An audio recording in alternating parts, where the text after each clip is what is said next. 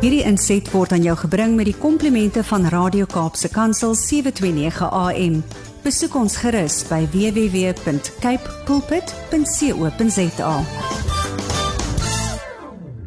Goeiedag Dimitri en luisteraars.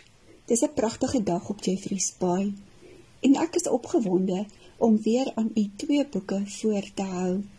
Die eerste een se titel is Sakpas gebede vir elke dag, geskryf deur Angus Buchan. En die tweede titel is Reën vir stofvlei, geskryf deur Catherine Graham.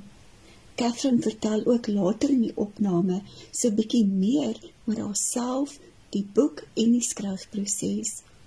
Vereers lees ek wat op die agterblad staan van Angus Buchan se Sakpas gebede vir elke dag. 365 gebede vir 'n inniger wandel met Jesus. Is daar kommer in jou hart of onbeantwoorde vrae? Neem dit na God toe in gebed. Angus Buchan is jou gebedsvernoot met hierdie 365 kort, kragtige en skrifgebaseerde gebede. Vind nuwe krag en inspirasie wanneer jy met jou Skepper praat en sy troos, liefde en genade ervaar. Bakken skryf: Ek wil hierdie pragtige boekie met gebedsoordenkings opdra aan my dierbare vrou en beste vriendin, Jill. Sy is nie net die ma van my kinders en my kleinkinders se ouma nie. Sy is ook my persoonlike intercessor. Sy is die een wat elke oomblik vir my intree in gebed. My oë skiet vol trane wanneer sy oor die foon vir my bid wanneer ek nie by die huis is nie. Ek het soveel by Jill geleer oor bid en tyd deurbring in God se teenwoordigheid. Ek is so dankbaar dat ons die Here Jesus saam dien. Om die waarheid te sê, ek sou nooit die werk kon doen waarvoor Jesus my geroep het as dit nie vir haar gebede was nie. Dan lees ek vandag se stukkie wat in Sakpas gebede vir elke dag is. Bemoedig deur die woord. Alles wat vooraf in die skrif opgeteken is, is tog opgeteken om ons te leer sodat ons deur die standvastigheid en bemoediging wat die skrif ons gee, vol hoop kan wees. Romeine 15 vers 4. En dan die gebed.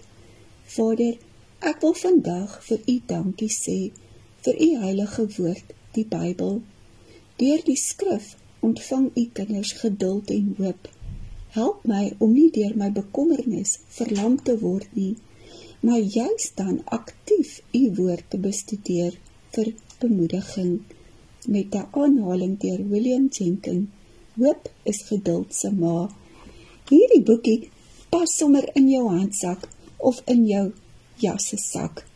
Skaf dit gerus aan en lees elke dag 'n sakpas gebed. Dit was dan sakpas gebede vir elke dag geskryf deur Angus Buchan. En nou kom ons by Catherine Graham se Reën vir stofvlei. Catherine dra haar boek op en haar twee tannies, Rita en Elise, die ware heldinne van haar storie, of so skryf sy. Hierdie boek word beskryf as 'n innemende universele verhaal oor familie, kontry en die natuur oor hoe skoonheid en liefde op die mees onverwagse plekke gevind kan word, selfs in die hardste, droogste streke van die platte land. Ek lees op die agterblad. Toe ek 10 was, het ek geglo ek kan enigiets doen. Dis seker hoe dit met die meeste kinders is, maar ek het in die Gramadulas groot geword, in die middel van nêrens. Al wat ek geken het, was my ouers se winkel ons eiltroppie skape en die plaas waarop ons gewoon het. Dit was amper niks.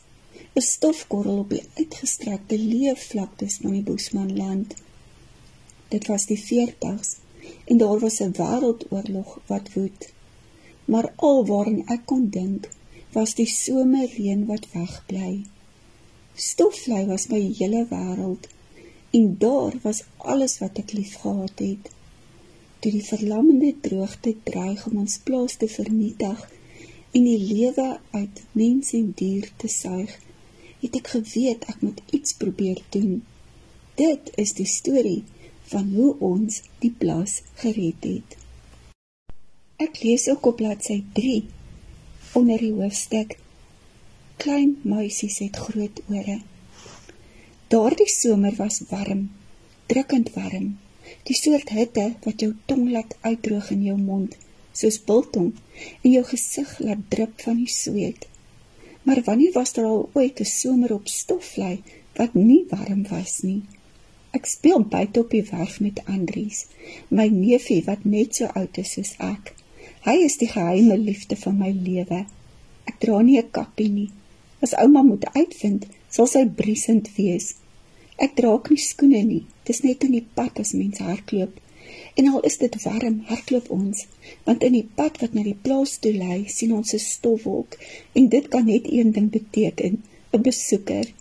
Hier kom iemand, ouma, hier kom iemand. Holderste bolder naal ons na die opstalse kombuis waar ouma besig is om beskuit te bak in die buiteoond langs die koolstoof.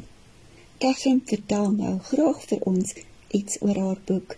Ek groet so lank tot volgende naweek. Totsiens. Hallo luisteraars. Uh, my naam is Catherine Graham. Ek is 'n skrywer en ek woon in Kaapstad. Ek het 3 kinders. En ehm um, hierdie boek Reënverstoflei is my eerste Afrikaanse roman. Ehm um, dis eintlik nie in Afrikaans geskryf nie. Elsə Silk ehm um, het 'n meesterlike werk gedoen om dit te vertaal. En die storie gaan oor Gogge. Sy's 'n 10-jarige meisiekind en sy word groot in die Bosmanland uh in die 1940e jare. So die Bosmanland is nie eintlik deel van die Karoo nie. Dis 'n hele ander strek. Dis 'n baie dor en droë land. En in 2020 het ek en my man daarna toe gery um om 'n bietjie navorsing te doen om die die um plaasstoflei te vind want dit was my ouma en oupa grootjie se plaas. Ja, so dit is 'n ver verlate land en um teen daardie tyd was daar 'n groot droogte en die boere het baie gesukkel. Ehm um, so die rede hoekom ek hierdie storie wou vertel is omdat dit oor my my ware familie ehm um, gaan. Ehm um, al is dit 'n werk van fiksie, ehm um, het my twee tannies daar in die Bosmanland grootgeword. Ehm um, ja, so die vyand in die boek is die droogte en Elsie veg teen hierdie vyand en sy doen alles wat sy kan om haar plaas te red. My pa het 'n boek oor ons familiegeskiedenis geskryf en ek het dit met my um, kinders gedeel en hulle het gesê ag nee, wat is 'n bietjie vervelend. So ek het besluit ja, ek moet hierdie storie in 'n in 'n ek moet dit soos 'n storie vertel, soos um Little House on the Prairie. En dis hoekom ek besluit het om dit fiksie te maak. Um ja, so die tema van die boek is veerkragtigheid en ook die krag van gebed en hoe bekommernis en gebed hand in hand gaan. En ek wou net trots wees dat ons, jy weet, ons kan trots wees oor ons wortels al is daar onregverdigheid in ons geskiedenis en ons moet dit ehm um, erken. Ja, ons ons ehm um, voorvaders en voormoeders, hulle was baie braaf om in daardie omstandighede te te boer.